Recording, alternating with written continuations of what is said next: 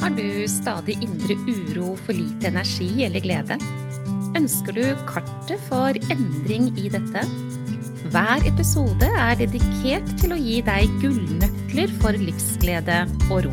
Du får strategier og innspill som hjelper deg fra nedstemt til oppstemt og fra uro til ro. Vil du ha en gratis oppskrift for å lage deg gode dager? Gå til www.gayabalanse.no for din herlige morgenrutine. Denne episoden skal belyse noe som er av svært stor betydning, og som jeg virkelig har erfart at mennesker er altfor lite bevisste på. Viktigheten av det å møte seg selv og andre uten å dømme. Kan du kjenne deg igjen i det at du møter med dømmende holdninger? Eller er du ikke klar over at du gjør det? For eksempel det skulle hun aldri ha sagt. Går det an å oppføre seg på den måten? Har han fullstendig ramla av lasset? Er det mulig å ta en sånn avgjørelse? Ja, jeg ville aldri ha valgt den husfargen eller den hårfrisyren. Hvem er det hun tror hun er? Hvordan kunne han si det han sa? Hvorfor i alle dager foregår dette som de nå velger å gjøre? Og det her var bare for meg akkurat nå tatt helt ut av lufta. Jeg har ingen forberedelser, jeg bare vet at jeg skal snakke med deg nå om det å dømme. Og så vet jeg at det å dømme, det er en gedigen kilde til uro. Og så vet jeg hvorfor det er det, og så har jeg veldig lyst til å gjøre deg veldig oppmerksom på dette. Det er to former for dømming, og de må vi snakke om. Den ene formen for dømming, det er den dømmingen som du gjør av deg selv. Og så har vi da en annen form for dømming, og det er den dømmingen du gjør i forhold til andre mennesker. Mia, som jeg har lyst til å snakke om bitte lite grann nå, det er en nydelig dame som ikke hadde forstått at uh, mye av hennes uro handlet om at hun hadde lett for å dømme andre mennesker. Og hun var også særs rå på å dømme seg selv. For eksempel var Mia rå på å dømme at hun alltid tok feil, at hun ikke skulle være som hun var, at hun sa noe galt, og det hadde hun gjort før, og det var jo helt forferdelig. Og i det hele tatt, altså dette med å ikke anerkjenne egne følelser, at hun følte som hun gjorde f.eks., eller at det ble som det ble, det var veldig typisk for Mia. Men i tillegg til det så var hun ganske god på å dømme andre mennesker.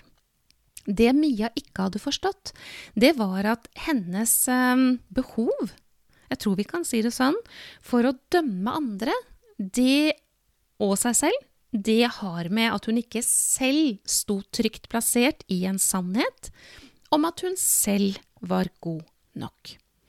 For henne så ble det faktisk en falsk trygghet i det å være dømmende ovenfor andre. Og jeg tror nok eh, de fleste av oss har vært med på en tanke om at eh, ja, vi tråkker på en annen for å heve oss selv. Vet ikke om du kan kjenne deg igjen i den type tilnærming. Ja, når du prøver liksom pusse sotet og vise fram glanssida, så er det for, å, for at det skal være trygt, liksom. Og så kan man gjerne liksom tråkke litt på en annen. Vet ikke om du kjenner deg igjen i det, men jeg tror de fleste av oss har vært i nærheten av den type tanke en eller annen gang, eller flere i vårt liv. Og det er klart at når noen har behov for å tråkke på en annen, så er jo det fordi man ikke er så høy i hatten sjøl, tror du ikke det? Er du enig med meg i det?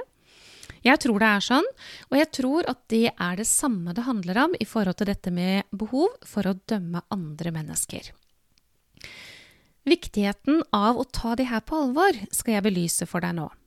Hvis man holder på med den type dømming, altså dømming i det hele tatt, enten i forhold til seg selv eller andre mennesker, så vil man hver eneste gang man holder på med det der, ha en indre uro. Jeg lurer på, er du klar over hva som er viktig for deg i ditt liv i forhold til forståelsen av dine verdier? Har du klart for deg hvilke verdier som du styrer etter i ditt liv?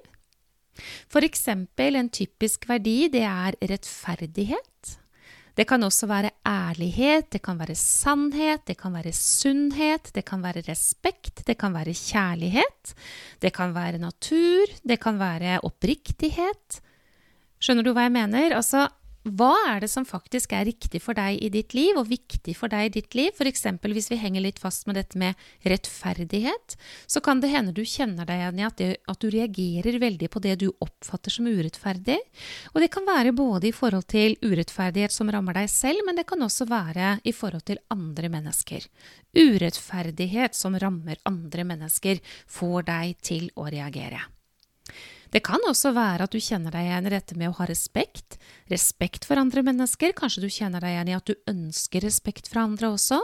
At du reagerer hvis du ikke får det. Hvis noen snakker stygt til deg f.eks., eller om deg, du får høre at det har foregått, så kan det hende du reagerer veldig på det.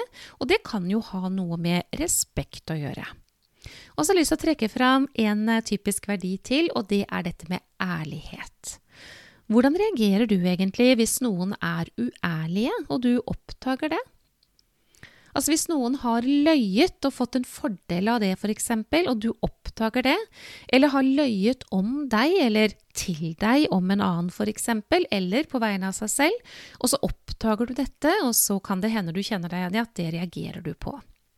Dette er da veldig tydelig noen av dine verdier.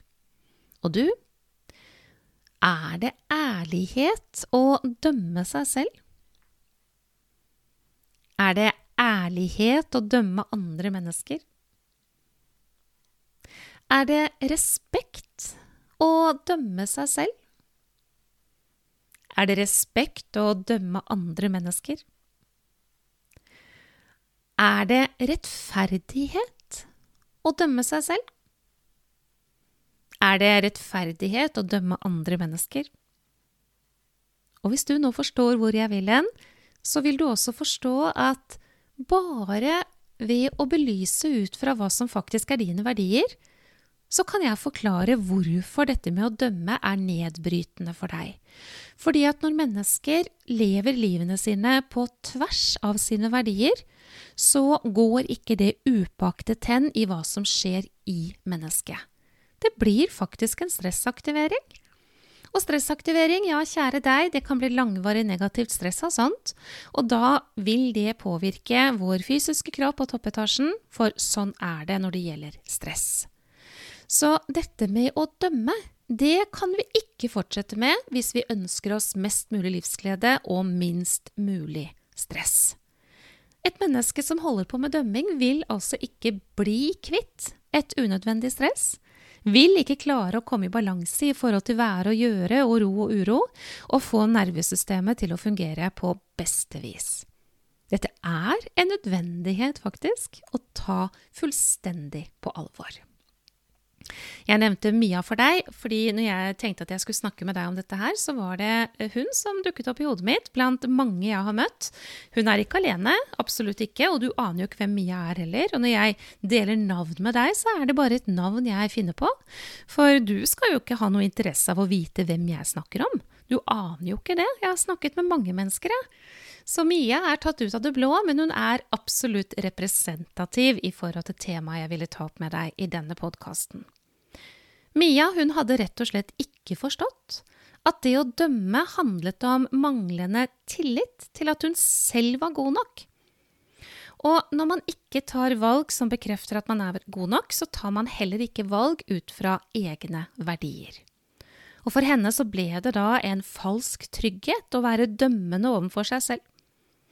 Og for å opprettholde hennes egen sannhet da, om at hun ikke var god nok, så holdt hun på med dette. For hver gang hun dømte seg selv, så bekreftet hun jo den sannheten hun hadde skapt, som ikke er sant i det hele tatt, om at hun ikke er god nok. Hun opprettholdt også denne dømmingen i møte med andre mennesker. Hun eh, snakket ned seg selv og var dømmende i forhold til seg selv i møte med andre, og det var også en falsk trygghet for Mia.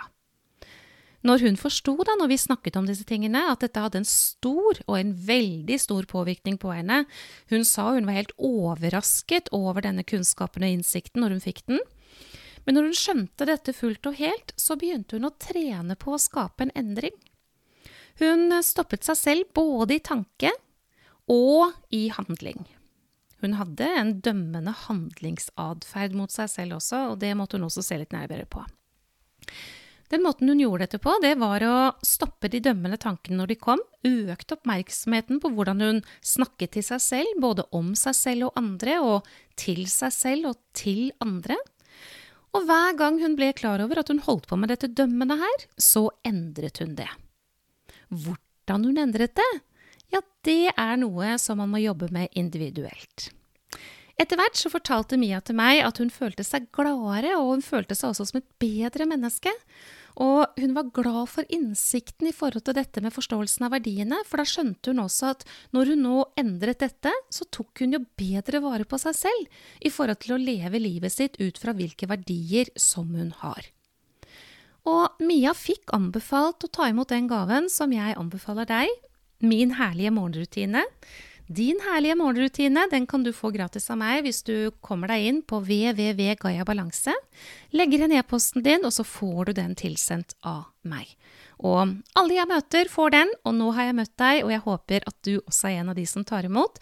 Og Mia, hun sa til meg det at det å starte dagen på denne måten, og det hun har gjort over tid, ja, det merket hun gjorde en stor forskjell.